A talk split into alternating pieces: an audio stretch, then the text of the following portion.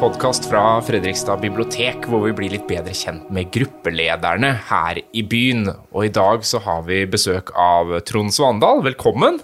Tusen takk. Du er jo gruppeleder for Venstre, og det har du vært en god stund nå? Ja, det har jeg vært siden 2015. Så jeg har hatt uh, gleden av å sitte to perioder i, uh, i bystyret. Har vært gruppeleder gerva politiker, rett og slett. Mange kjenner deg jo, jo, som politiker, men mange kjenner deg også som historiker.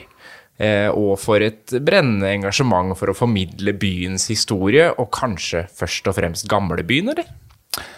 Jeg har jo snakka masse om gamlebyen, men eh, jeg brenner nok for hele byens eh, historie. Jeg er veldig opptatt av å også løfte fram eh, vestsida og forstaden som opprinnelighet. Så de henger jo sammen. Så det er veldig spennende historier begge bydeler. Så åssen kom du inn i politikken? Hvordan gikk du på en måte fra historie til politikk? Ja, det er jo et, eh, et eh, fint spørsmål. Eh, jeg har nok vært, med, har vært medlem av Venstre i ganske mange år. Så var jeg ikke noe aktiv Verken da jeg bodde i Oslo og studerte der, eh, heller ikke det første året da jeg flytta tilbake til Fredrikstad. Men eh, som mange andre så ble jeg spurt om å stå på en liste. Eh, det sa jeg ja til. Og så endte jeg brått som vararepresentant til bystyret. Men hva var det med Venstre? Hvorfor ble det Venstre? Ja, Det var nok, det var nok flere ting. For meg så har jo alltid det med, med det historiske vært viktig. så Veien inn var nok i utgangspunktet sånn, ja, bevaring av historiske bymiljøer, trehusbebyggelse. Eh, men også politikken til Venstre. altså den, Både den liberale dimensjonen og det å ta vare på fellesskapet. Hver enkelt skal få utvikle seg med sine muligheter og få anledning til det i samfunnet. Så, mm. så, det er en kombinasjon av flere ting her. Ja, For du er jo inne på noe der med den historikerrollen som handler om det som var, og politikerrollen som er veldig framtidsretta. Man skal gjerne tenke langt framover. Ja, det er jo det er selvfølgelig viktig for en historiker. Vi skal også tenke på det som skjer i dag. For jo, vi skal utvikle politikk for oss som lever og bor i Fredrikstad i dag også. Det er, det er også viktig. Men så tenker jeg at det, det jeg har med meg, da, det er jo en kunnskap om hvordan Fredrikstad var. Jeg kjenner jo en del til, til historien og hvorfor Fredrikstad har blitt som det har blitt. Og Det tenker jeg er en, en viktig dimensjon også i politikken. Vi er, jo, vi er, jo, mange som driver med politikk. Sånn skal det være. Og vi har ulike bakgrunner og en ulik horisont for den politikken vi driver med. Det er godt med litt eh, bredde i lokalpolitikken. Det tror jeg er helt nødvendig, og det, det skal vi fortsette å ha. Mm. Og Når vi er inne på lokalhistoria, da, så har jeg jo gitt deg en utfordring, nemlig med å ta med en bok men da har du ikke valgt Fredrikstad, da har du valgt et annet miljø, nemlig Røros. Ja, kanskje et litt eh, uvanlig valg, eh, vil mange tenke. Nei, jeg har tatt med en bok, eller egentlig tre bøker, fra en romantrilogi. Eh, 'Christianus Sextus' av Johan Falkberget. Kanskje ikke den forfatteren som leses aller oftest lenger i dag. Og for så vidt en forfatter med en annen partibakgrunn enn meg. Han var eh, arbeiderpartimann og var nok ganske radikal eh, i, i ungdomsåra. Eh, men det er en Fredrikstad-tilknytning der. Han var faktisk en kort periode redaktør i avisa Smålenenes Sosialdemokrat, Aha. eller Demokraten. Er det vi, sant? Ja, det var han i, i 1908. Eh, ikke veldig lenge. Eh, noen måneder. Eh, så dro han tilbake igjen til, til Oslo eller Kristiania og fortsatte forfatterkarrieren og journalist yrke. Han var jo journalist opprinnelig. Mm. Jeg har lest Den fjerde nattevakt. Det er det eneste jeg har lest av Falkberget. En fantastisk bok mm. eh, som liksom dreper alle de fordommene man har om at gamle bøker er litt eh, trege og kjedelige. Men ta oss med inn i denne trilogien. Ja, eh, og det er nok som du sier, altså, Den fjerde nattevakt eh, er nok den mest kjente og mest leste i dag. Eh, Christianus Sextus da er vi tilbake til begynnelsen av 1700-tallet, egentlig 1720-tallet. Eh, rett etter den store nordiske krig, altså perioden etter Karl 12.s død. Eh, og vi er jo da på Røros. Vi er i gruvemiljøet på Røros, som jo var det Falkberget først og fremst skrev om. Eh, og handlingen begynner med at det er en del hjemvendte svenske soldater, eller de såkalte karolinerne, som vandrer over fjellet fra Sverige til Røros for å få seg jobb. Dette var jo nødsår ikke minst i Sverige. Men den trilogien er, jeg syns, et, et, fantastisk bokverk. Utrolig flotte både menneskeskildringer, naturskildringer, en enorm historisk kunnskap som Folkberget ja, for, for, det er basert på også det som skjedde, faktisk? Det er basert på faktiske hendelser. Eh, det er faktisk eh, Christianus Sextus, navnet på trilogien, er navnet på en gruve. Og den er, Det er den det meste dreier seg rundt. Eh, det var faktisk en gruve som Falkberg hadde jobba i som, som ung gutt, nesten ja, som barn. Vaskegutt? Som tolvåring, eller? Ja, Vaskaryss er navnet. Okay. Og Det betyr at man, man må vaske malmen for å finne den beste malmen. Det var en oppgave for altså Han er jo født på 1870-tallet, så da var det fremdeles barnearbeid. Rød Røros Kobberverk holdt på med det ganske lenge. Eh, så det var hans, hans bakgrunn. og Han jobba altså litt nede i gruva. Nok ikke så veldig mye, men, men han hadde erfaring derfra. Han kjente jo miljøet veldig godt. Han var jo oppvokst ikke så langt unna. Han skulle flytte tilbake dit også som, som godt voksen og, og, bo der resten av livet. Eh, men det er noe med Eh, det er noe med, nok Det som fascinerte meg, var jo historien. Uh, også en historie som vi kjenner godt fra Østfold. altså Karl 12. ble drept på Fredriksten. og Det var dramatisk, uh, en dramatisk periode i vår historie også.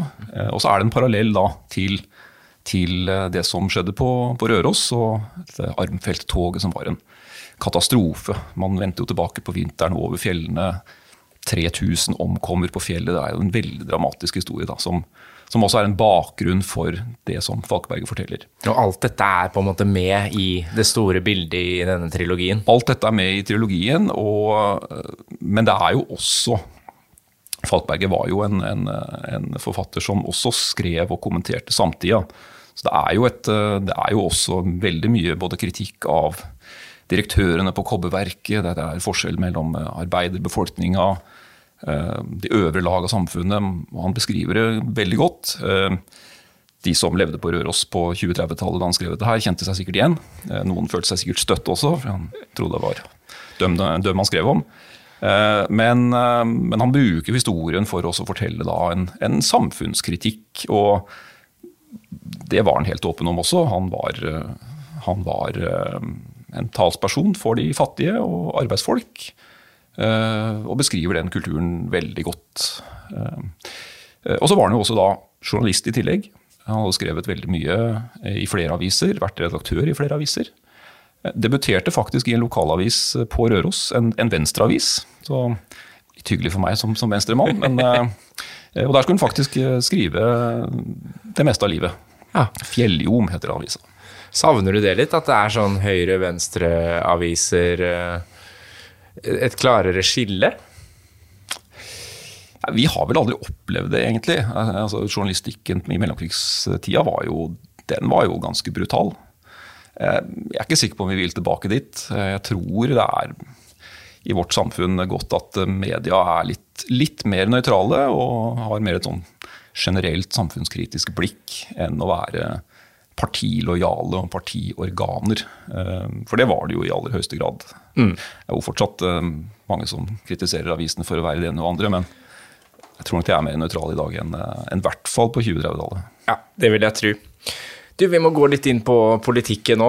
Venstre og hjertesakene dine og, og Fredrikstad Venstres. Det er jo natur og klima og skole som på en måte lyser mot deg når du leser valgprogrammet deres, mm. som kanskje de dine store saker. Eh, skal vi starte med naturen? Ja, veldig gjerne. Ja, det er eh, Begge de sakene du nevner der, er jo viktige. Altså det er hovedsaker for oss. Naturen er jo et, et kjerneområde for Venstre. Det er viktig for meg. Både vern av eh, natur i Fredrikstad. Alt fra Marka til eh, skogsområdene langs Glomma. Eh, og vern av naturen i havet. både i elva og ikke minst Oslofjorden, som vi har et kjempeansvar for. Der går ikke ting i riktig retning. så det, det blir viktig for oss at vi lokalt tar vår del av den jobben for å redde Oslofjorden. Så, så, og det er viktige saker for Venstre, og det er viktige saker for meg. Mm. Og hva er da på en måte skillelinjene mellom f.eks. MDG, da, som er på det rød-grønne siden, mens Venstre er jo mer på den borgerlige sida eh, nå? Eh, hvem, hvem samarbeider dere med, og hva er liksom skillelinjene der? Ja, vi er nok et, eh, Venstre er jo et, for så vidt et parti som har samarbeida og samarbeider mot begge sider i politikken. Vi samarbeider nå oftest nå på borgerlig side, og det har vi gjort i Fredrikstad. Vi har hatt godt samarbeid med KrF og Høyre i, i flere år. Uh, og det er, nok, uh, det er nok fordi vi tenker at det er der vi får, uh, kan få mest gjennomslag selvfølgelig for vår politikk. Det er derfor vi driver med politikk. og bredden av Venstres politikk matcher nok noe mer med den borgerlige politikken. Og det, det har ikke nødvendigvis med klima- og naturpolitikken, for der der er vi ganske enige med, med f.eks. MDG. Eh, men det er jo andre politikkområder også eh, som vi matcher mer med de eh, tradisjonelt borgerlige partiene. Så, så, her er det jo en helhet. Og jeg tror vi kan ha, få til noe veldig bra sammen med de borgerlige partiene i Fredrikstad. Og jeg tror Fredrikstad er modent også for et politisk skifte. Mm. Men Venstre har jo det har bevega seg mer på midten enn sånn det var i gamle dager, da, hvis vi drar parallellen med avisene, ikke sant? hvor du ha, hadde Høyre og Venstre. Og nå samarbeider jo plutselig Venstre og Høyre. Ja, det er jo en, Dette er jo litt sånn finurlighet med navn. Eh, går vi tilbake til 1880-åra, så var det to partier. Det var Høyre og Venstre. Ferdig med det. Ferdig med det. Eh, og så har jo partifloraen blitt eh, mye rikere i løpet av 140 år. Og godt er det, kanskje? Og, og godt er nok det. Jeg tror vi har, vi har godt av å ha mange partier, også litt mindre partier, som, som kan pirke litt borti de store uh, og drive politikken framover. Uh, nei, men altså, Venstre er jo et uh, Vi er jo et sentrumsparti, men med mye borgerlig politikk. og det har ligget litt sånn i grunnsjela i Venstre i alle år. og få til samarbeid, kompromisser. Eh, også på tvers. Eh, igjen, for å gå tilbake til 20-30-åra, så, så var jo Venstre regnet som et borgerlig parti. Eh, men vi var også veldig opptatt av eh, å holde samfunnet sammen. Ikke polarisere politikken altfor mye. Eh, det var jo en veldig polarisert politikk. Det var, man ønska revolusjon på ytterste venstre side i politikken. Mm. Det gjorde de for så vidt på ytterste høyre side av politikken òg. Så det å klare å, å få samarbeid til var viktig for, for Venstre da. Se på gamle valgplakater, f.eks. Samarbeid, ikke revolusjon. Ja. Ja. Det er ikke helt der i dag, altså. Men, eh, men, eh, men det, er fortsatt, det, er jo fortsatt viktig. Og så, jo, så ligger jo den sosialliberale ideologien til grunn. Men du er ikke redd for å havne litt sånn midt mellom to stoler, og at man blir litt sånn Ja, men hvorfor skal man stemme Venstre? Som er litt, de er litt enige med alt? Eh, jeg er ikke helt enig i det, eh, men eh, vi er jo selvfølgelig Tallenes tale er ganske klare. Vi er jo et mindre parti enn Høyre og Arbeiderparti per nå. Men jeg mener vi har en stor misjon i å være et, et, en liberal stemme, et liberalt parti, et progressivt parti også i å utvikle politikk eh, og presse de store partiene i Vi ønsker å presse det i vår retning. Eh, men å være da det partiet som, som pirker borti de store partiene, som ofte er litt tyngre å dra, de er litt mer konservative. Det mener jeg både Arbeiderpartiet og Høyre er. Mens vi, vår oppgave er å dra politikken framover i liberal retning, i sosial retning, og ikke minst overfor klima- og naturspørsmålet, som jeg mener at Venstre har stått godt i mange tiår.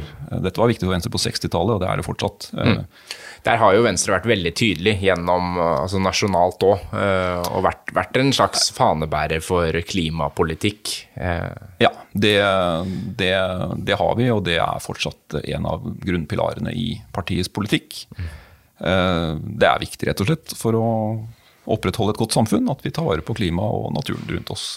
Og så er det skole, da. Ehm, og der kan vi jo gå enda lenger tilbake. For det er jo sånn i Fredrikstad nå at det er veldig mange familier og barn som eh, lever under den såkalte fattigdomsgrensa, eller i lavinntektsfamilier. Um, og det her henger jo sammen med, med skole senere i livet. Hva tenker Venstre rundt det her?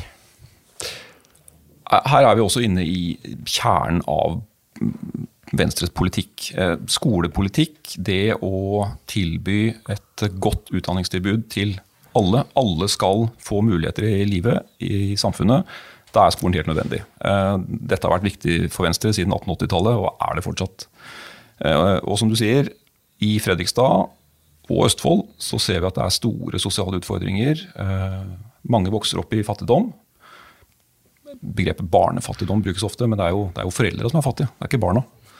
Eh, så, og de skal få gode muligheter, og da er skolen kanskje det aller viktigste redskapet vi har som samfunn. Eh, og Derfor mener vi at skolen må styrkes. og Det gjelder alt fra skolebygg til eh, flere ressurser inn i skolen. Det gjelder at holde lærerne motiverte til å stå i den jobben de skal gjøre. Rett og slett ha et sterkere fokus på, på skolen, Fredrikstad-skolen, som som kanskje det viktigste redskapet til å løfte barn ut av fattigdom og tilbake inn i samfunnet. Mm. Dette er en form for utenforskap som jeg mener er en av de eh, Kanskje den største samfunnsutfordringen vi har i dag. Og som kanskje også på en måte er litt arvelig, hvis du skjønner. Altså foreldrene sliter, som gjør at barna sliter, som igjen får barn som sliter. Altså eh, det er en ond sirkel som kan være vanskelig å bryte. Ja, og dette er jo ikke en, jo ikke en ny utfordring i Fredrikstad-samfunnet. Altså, vi har sier ofte at det er et postindustrielt samfunn, eh, og det stemmer jo på mange måter, det. Eh, og det er en, det er en sosial arv i Fredrikstad-samfunnet som vi har med oss. Og skal vi bryte den potensielt onde sirkelen der, at sosial fattigdom og utenforskap bare fortsetter generasjon etter generasjon, så, så er skolen mener jeg og mener Venstre, det aller viktigste verktøyet for å, for å gi barn den muligheten. Eh, og det er klart I dag så ser vi jo, det er ikke til å legge skjul på det, at det er veldig mange eh, barn fra innvandrerfamilier, altså folk som har kommet fra andre deler av verden, bosatt seg i, i Fredrikstad, som jo eh, vokser opp i eh, lavinntekt. Eh, mange, de aller fleste klarer seg jo fint, men det er jo altfor mange som ikke gjør det, og de må vi som samfunn gi ekstra støtte. Mm. Og det her henger jo sammen med integreringspolitikken, mm. da. Hvordan er den i Venstre? Dette henger jo sammen. Og det er klart, god integrering i samfunnet er jo også helt nødvendig for å, ja, for å motvirke det utenforskapet. Da. Utenforskapet er jo et vanskelig begrep, men det er jo alle de som på en eller annen måte ikke er en del, eller føler seg som en del av fellesskapet, mm. storsamfunnet. Eh, og fattigdom er jo en faktor som gjør det vanskelig. Eh, og igjen da, så er jo, eh, så er jo skole og utdanning det er jo måten vårt samfunn er på. Du må ha en utdanning for å kunne få deg en jobb, komme deg inn i fellesskapet. og Dette henger veldig tett sammen. Og klart, Skole, men også mulighet til å få seg jobb. Der har vi en, har vi en stor utfordring. Men trenger vi å bli mer åpne? Jeg trenger ikke å gå lenger enn til meg sjøl. Jeg er jo ikke noe kjempeflink til å gå opp til nye mennesker og si 'halla, velkommen til Fredrikstad'. Eh, nå, altså, hva, hva skal man tilby, ikke sant? Skal man invitere folk hjem på middag, eller skal man Altså, ja. hva, er, hva er politikernes rolle og befolkningens rolle, på en måte? Befolkningen har jo selvfølgelig et uh, stort ansvar. Vi er, alle, vi er, alle, innbyggere, vi er alle borgere av Fredrikstad. Og vi har et ansvar for uh, medborgerne våre. Uh, og det å invitere naboene som er flyktninger, inn på middag eller, eller en kopp te, det, det, er fint. Og det skal vi gjøre. men så har jo vi som politikere og som samfunn en, eh, også en rolle i å jobbe med integrering. Og jeg tror ja, skolen er viktig. Eh, frivilligheten er kjempeviktig. Det er en integreringsarena. Eh, en av de aller viktigste. Og som er viktig for nordmenn. Altså der møter du jo nordmenn i en annen setting enn kanskje på jobben. Men så er også arbeid, jobb, kanskje den aller viktigste integreringsarenaen. Og Det gjelder ikke bare folk som kommer fra et annet land, men det gjelder også andre i det norske samfunnet som på en eller annen måte har falt utafor. Eh, og veldig mange sier jo det. altså Har vært ufør veldig lenge, gått på sosialtrygd. Eh, så er jo det å få en jobb, eh, kanskje bare en prosentstilling, en viktig del av det å komme seg inn i et sosialt fellesskap, inn i, inn i samfunnet igjen. Tilhørighet, Tilhørighet. og det å føle, at man betyr noe for noen andre. Ja, og det er jo ganske grunnleggende i oss. Vi ønsker å føle en tilhørighet, vi ønsker å, vi ønsker å bidra. Eh, Det tenker jeg det er. Der har vi som samfunn også en viktig oppgave i å tilrettelegge for det. Da. Vi sitter jo nå på Fredrikstad bibliotek, hovedbiblioteket. En av de få arenaene som er gratis for alle. Som er eh, et demokratisk eh, forum hvor du, hvor, du, hvor det ikke krever noe av deg. Da. Og jeg vet jo at du har et veldig tett forhold til biblioteket. Du har brukt det mye, og du bruker det mye. Ja, jeg har jo det. Jeg har jo vært her eh, veldig mye opp igjennom. Eh, både med lokalhistorisk samling og låne bøker og lese. og Det, det har vært et viktig sted for meg i, i hele oppveksten, og, og er det fortsatt. Eh, så er jo biblioteket en, som du sier, en av de få gratisarenaene vi har. Eh, og det er en gratis arena, en gratis kilde til kunnskap. Eh, det fordrer at du oppsøker den sjøl, men, eh, men den ligger her og er tilgjengelig for alle. Eh, Helt fantastisk arena, det er det jo. Eh, Og folkebibliotektanken eh, har jo også vært viktig i utviklinga av, av det norske samfunnet. og skal vi si, likhetssamfunnet, velferdssamfunnet. Alle skulle ha tilgang til kunnskap. Det er noe veldig demokratisk eh, over det. Sånn var ikke samfunnet som Falkberget beskriver for 300 år siden. Da var det noen få som hadde eierskap til kunnskapen. Så, Ja. eh, Det var noen som eide bøkene, rett og slett. det var no, bokstavelig talt noen som eide bøkene, og, og det er faktisk en veldig fin sånn historie i Christianus Sextus, hvor det er en, en eh, blind gruvearbeider som får, han får tak i en bok. Selvfølgelig Bibelen, det var jo viktig. Og Han blir da lest for, uh, og han får da kunnskap gjennom, uh, gjennom dette her. og Det er en veldig fin, fin liten historie hos Falkberg. Mm. Men det er klart, også i våre dager så mener jo jeg, og Venstre mener det, vi er ikke alene om å mene det heller, at biblioteket har fortsatt en kjempeviktig rolle. Og kanskje en ja, å utvikle biblioteket videre. Nå er det jo ikke bare å låne bøker, nå er det jo veldig mye annet bibliotekene skal gjøre. Mm. Det er jo det jeg vil inn på. Framtidens bibliotek. meg at du vil inn på det. det Ja, og hva, det er bra. hva er det for, Fred, eh, for eh, Fredrikstad Venstre? Hva er eh, biblioteket i framtida her i byen? Vi tenker jo, og jeg tenker, at biblioteket i Fredrikstad um, er Det er flere ting. Nå sitter vi i hovedbiblioteket. Fantastisk bygning. eh, fantastisk kulturhistorisk bygning. Det er ikke til å legge skjul på at eh, Venstre i Fredrikstad vi ønsker å bevare dagens hovedbibliotekbygning som bibliotek.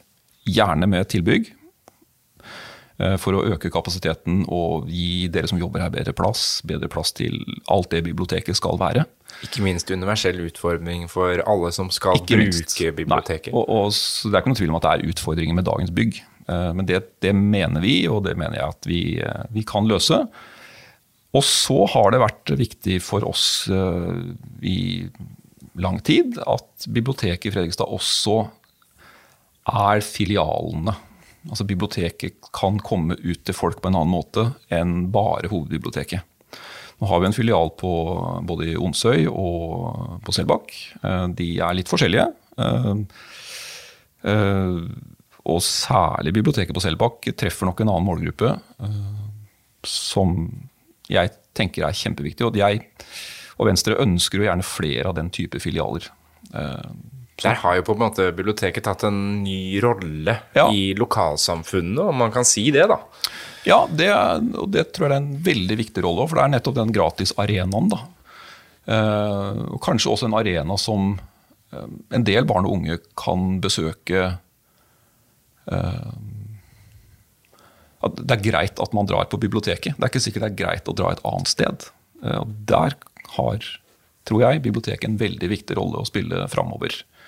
Eh, og så er det jo da en, igjen denne gratisarenaen, kilden til kunnskap, utdanning, eh, som også er eh, fortsatt veldig viktig. Eh, vi er jo på en måte litt tilbake til der vi var før, for det var jo flere bibliotekfilialer eh, tidligere, og så ble det sentralisert.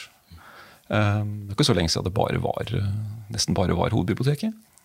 Nei, men jeg husker jo sjøl at jeg gikk på biblioteket på Kråkerøy, f.eks., Ja. og lånte bøker, Ja. og så plutselig en dag så var det borte. Ja.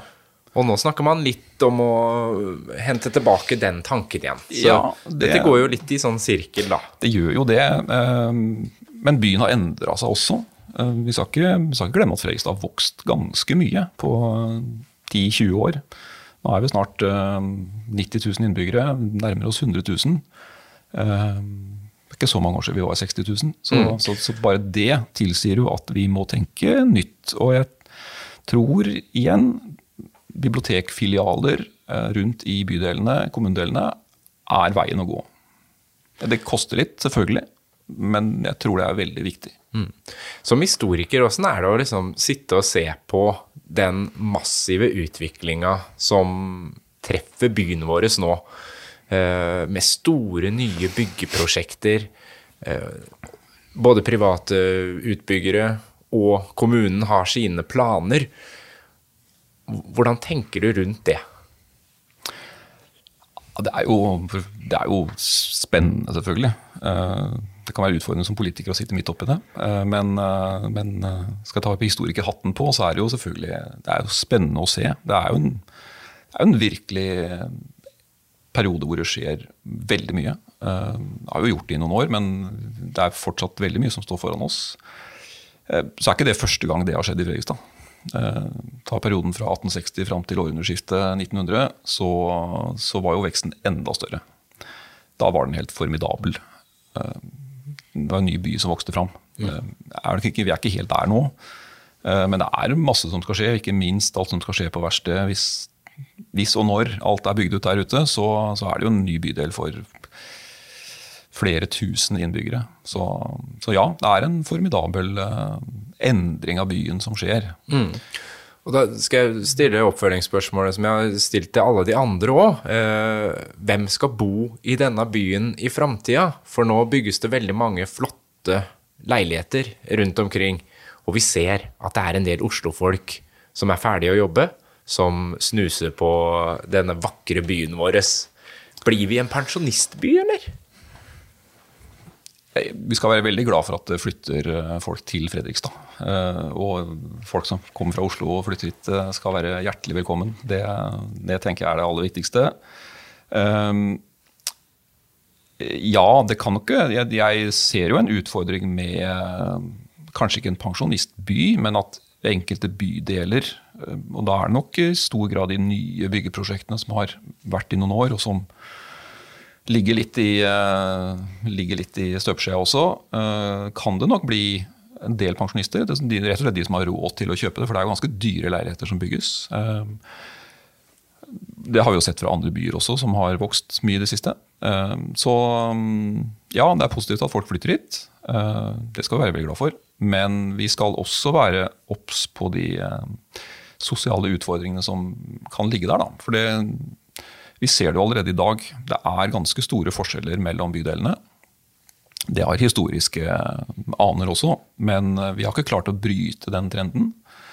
Eh, Og det er nok en del av de gamle historiske trehusbydelene som eh, er eh, Hvor det bor mange eh, som leier leilighet. Eh, Det er en viss grad av forfall, eh, og mange som lever der som, som jo lever i lavinntekt. Og det er også et sånn evig spørsmål. Skal man bygge helt nytt, eller skal man prøve å gjøre noe med de gamle, restaurering? Eh, hva, hva koster egentlig mest, ikke sant? Og, og hvordan ser du på det? Du er jo opptatt også av å bevare noe av bybildet sånn som det var. Ja, eh, jeg tenker jo det er, det er fortsatt viktig. Jeg mener vi skal ta vare på de gamle trehusbydelene. Det er viktig både for identiteten til byen, det er viktig for, eh, for historien vår. eh, Og jeg tror også det er viktig for de som bor i de bydelene. Eh, Ja, det er en del sosiale utfordringer. Det skal vi ta på største alvor. Eh, Men vi hører også at mange som bor i eh, en del av de bydelene, trives jo veldig godt. Syns det er hyggelig å bo der. Eh, Det skal vi også ta med oss, da. Men, eh, så jeg tenker sanering av trehusbydeler, eh, det fører ikke noe godt med seg. Det drev vi med på 50-60-tallet, det driver vi ikke med lenger. Eh, Da flytter du bare utfordringene som er der. Det er ikke noen løsning. Så vi må nok heller eh, jobbe med utfordringer på andre måter. Og da er det, ja, da er det å satse på å styrke skolen, eh, styrke arbeidet med å skaffe jobb til folk. ingen enkel oppgave. det gjøres masse, men må, det må intensiveres. og det er en jobb vi må gjøre i Fredrikstad. og i samarbeid med staten og frivillighet og næringsliv å få løfta dette her. Men, eh, så det er ikke noen enkel jobb, men det er kanskje den aller viktigste jobben vi skal gjøre. Mm. Men uh, sanering av trehusbydeler for å løse sosiale problemer, det, det driver vi ikke med lenger. Mm. Jeg holder litt fast i arealpolitikken nå, eh, for hvordan byen skal se ut. Én ting er jo at det popper opp nye ting. Men det er jo et spørsmål om høyde på nye bygninger, hvordan skal elva renne gjennom byen, uh, og det som er mm. rundt. Uh, hvordan tenker Venstre og, og, du rundt det? Det går jo fort nå. Det går veldig fort. Uh, veldig bra spørsmål. Det er en sak som opptar meg ganske mye. Jeg, og jeg har nok en del meninger på det. Jeg mener jo fokuset på arkitektur er særdeles viktig. Det, det, må vi bare holde fast på. Det er viktig for Venstre, det er viktig for meg. Eh, når vi bygger så mye som vi gjør, så er det å bygge med kvalitet eh, vanskelig begrep, men, men, for meg så er det gode materialer. Man bygger, by, altså man bygger bygninger som er gode å se på. Eh, og de skal ikke bli grønne eller fulle av mugg etter et halvt år? De skal ikke bli grønne og fulle av mugg, så, så det er klart den tekniske kvaliteten må være der. Eh, bygningsmaterialene må være bra, folk skal kunne bo der. Men folk skal også kunne gå og orke å se på bygga. Mm. Så vi skal ikke bygge eh, kjedelige, grå bygg.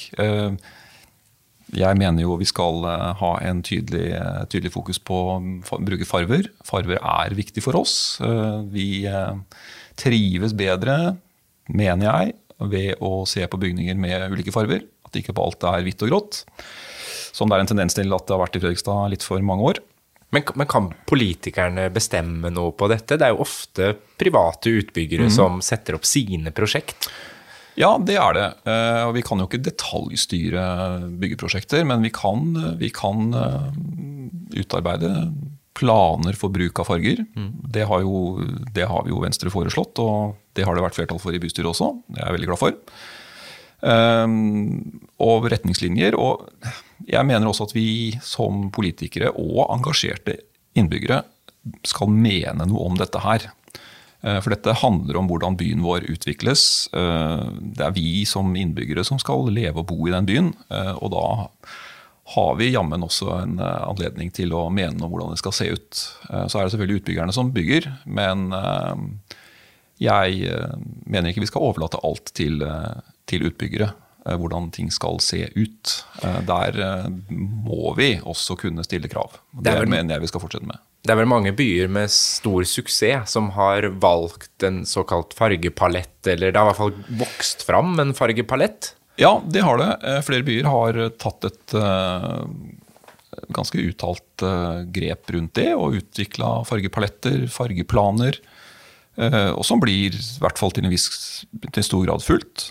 Um, og jeg tror nok også det å løfte det politisk skaper også en um, uh,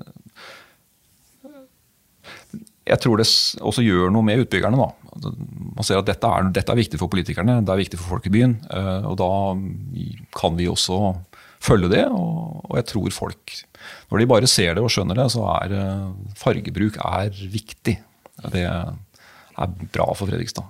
Eh, og se, Gå rundt i Garnebyen. der er det en god, gjennomført eh, fargeplan på de gamle bygga. Eh, jeg tror vi trives bedre med det altså, enn å gå og se på grå betongblokker. Jeg tror ikke vi blir lykkelige av det.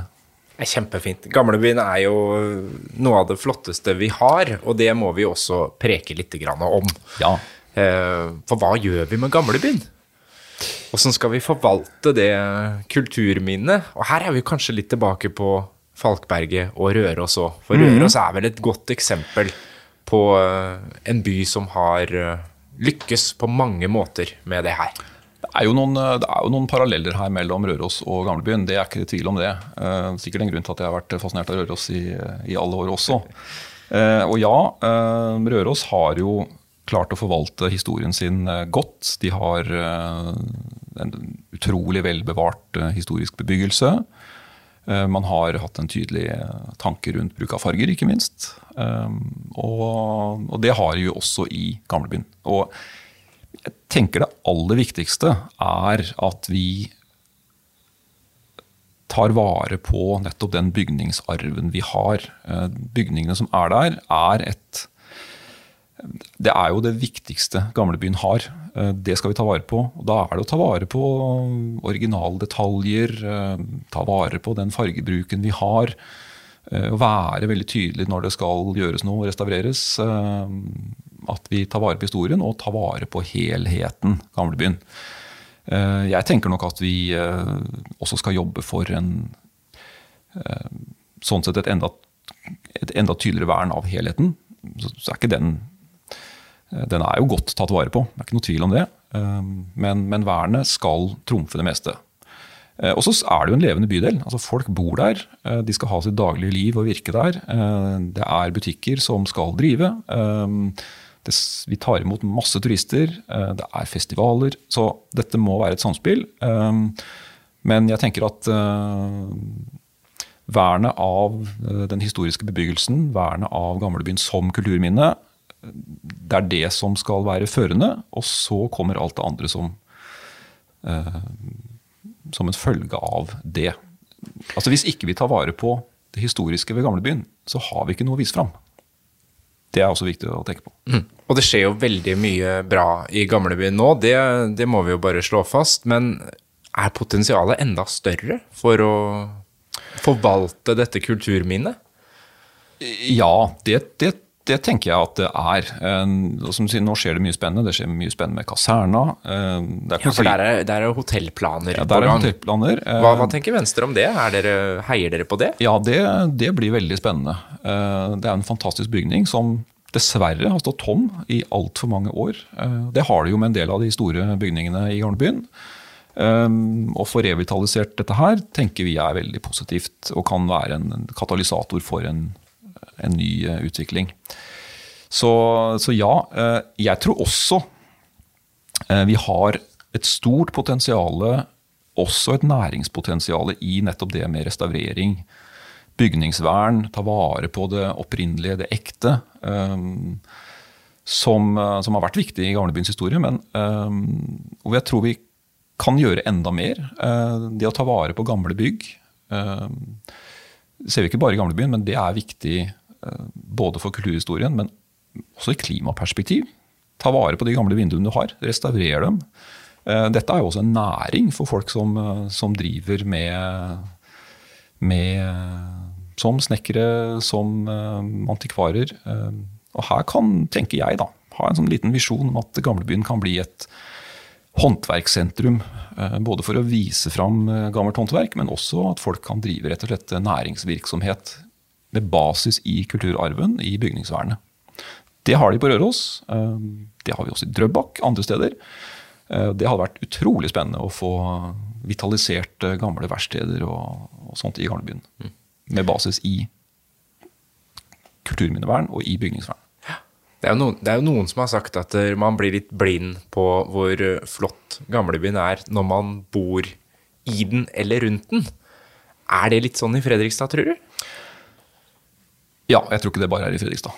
Sånn tror jeg det er med alle som bor i nærheten av noe fantastisk flott. For det er det gamlebyen er. Eh, altså, det fins ingen andre så flotte, velbevarte festningsbyer i, i Norden. Eh, vi skal ganske langt ned i Europa for å finne noe tilsvarende. Som jeg ofte sier, den, den var ikke den største festningsbyen, men den er en av de aller best bevarte. Og den er full av trehus. Det er ganske unikt. Eh, Så ja, jeg tror nok vi i Fredrikstad ser oss litt blinde på det, samtidig som det jo er gamlebyen vi alltid viser fram når det kommer noen. Eh, Og, og den, er, den er jo helt fantastisk. Det er, noe, det er ikke noe annet å si. Eh, Og jeg har vært der masse. Jeg er der mye. Og det er jo noe en alltid viser fram. Og den har liksom lag på lag med historie også. Det er alltid noe nytt å finne, det er alltid noe nytt å se. Eh, Selv om den ikke er så stor. Så ja, den er, eh, den er vårt viktigste kulturminne. mm, Og det er, og det er den. er ikke noe tvil om. Men, må det også sies, Fredrikstad har jo ufattelig mye annen spennende historie. Eh, som vi kanskje ikke er like flinke til å snakke om og vise fram. Har du noen eksempler her, eller? ja. eh, her, dette kunne jeg snakka kjempelenge om. Men eh, ta helleristningene, f.eks. Noe som vi alle har vært, uh, vært og sett på, men som vi kanskje ikke har noe sånn sterkt forhold til. Eh, rundt oss her i Fredrikstad, eh, distriktet, og, og i hele Østfold altså Østfold er jo spekka med historie. eh, som vi ikke snakker så mye om. Eh, men vi, har, altså, vi går, rundt i, går rundt i landskapet. eh, du finner gravhauger, helleristninger, enorme forekomster med fornminner fra bronsealderen, jernalderen. Altså, da er vi 2000-4000 år tilbake. Turistene kommer jo for å se dette her.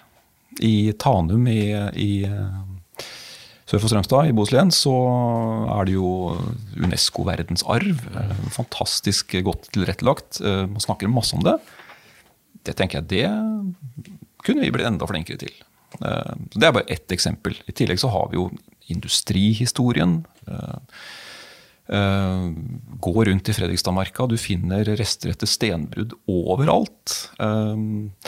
Snakka mye om Røros. Ja, gruvene på Røros er, eh, er eh, store og flotte, men bergindustrien i Fredrikstad, den er ikke mange som snakker om. Men det er spor av den overalt. Lus og padder. Ja, Ja. ikke sant? Ikke sant? Og jeg er ikke noen spesialist på det sjøl, men, det- men det fascinerer meg. Mm. Men fra det gamle da, Trond, til det helt nye. Hva mener Fredrikstad Venstre egentlig om Arena Fredrikstad? Blir det bygg? Det er et veldig godt spørsmål. Nei. Eh, Fredrikstad Venstre mener at vi trenger eh, en ny eh, isflate.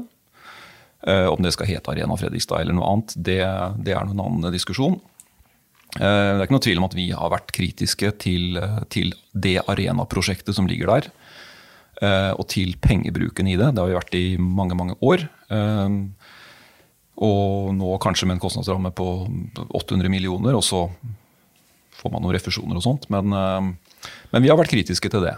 Eh, Og vi mener nok at det å tviholde på det prosjektet altså Vår utfordring er jo at vi, vi mener at vi kan ikke bruke så mye kommunale kroner på, et, eh, på det isanlegget. Men så har det jo da vært snakk om 300 millioner, og så få med seg noen eh, private aktører i tillegg.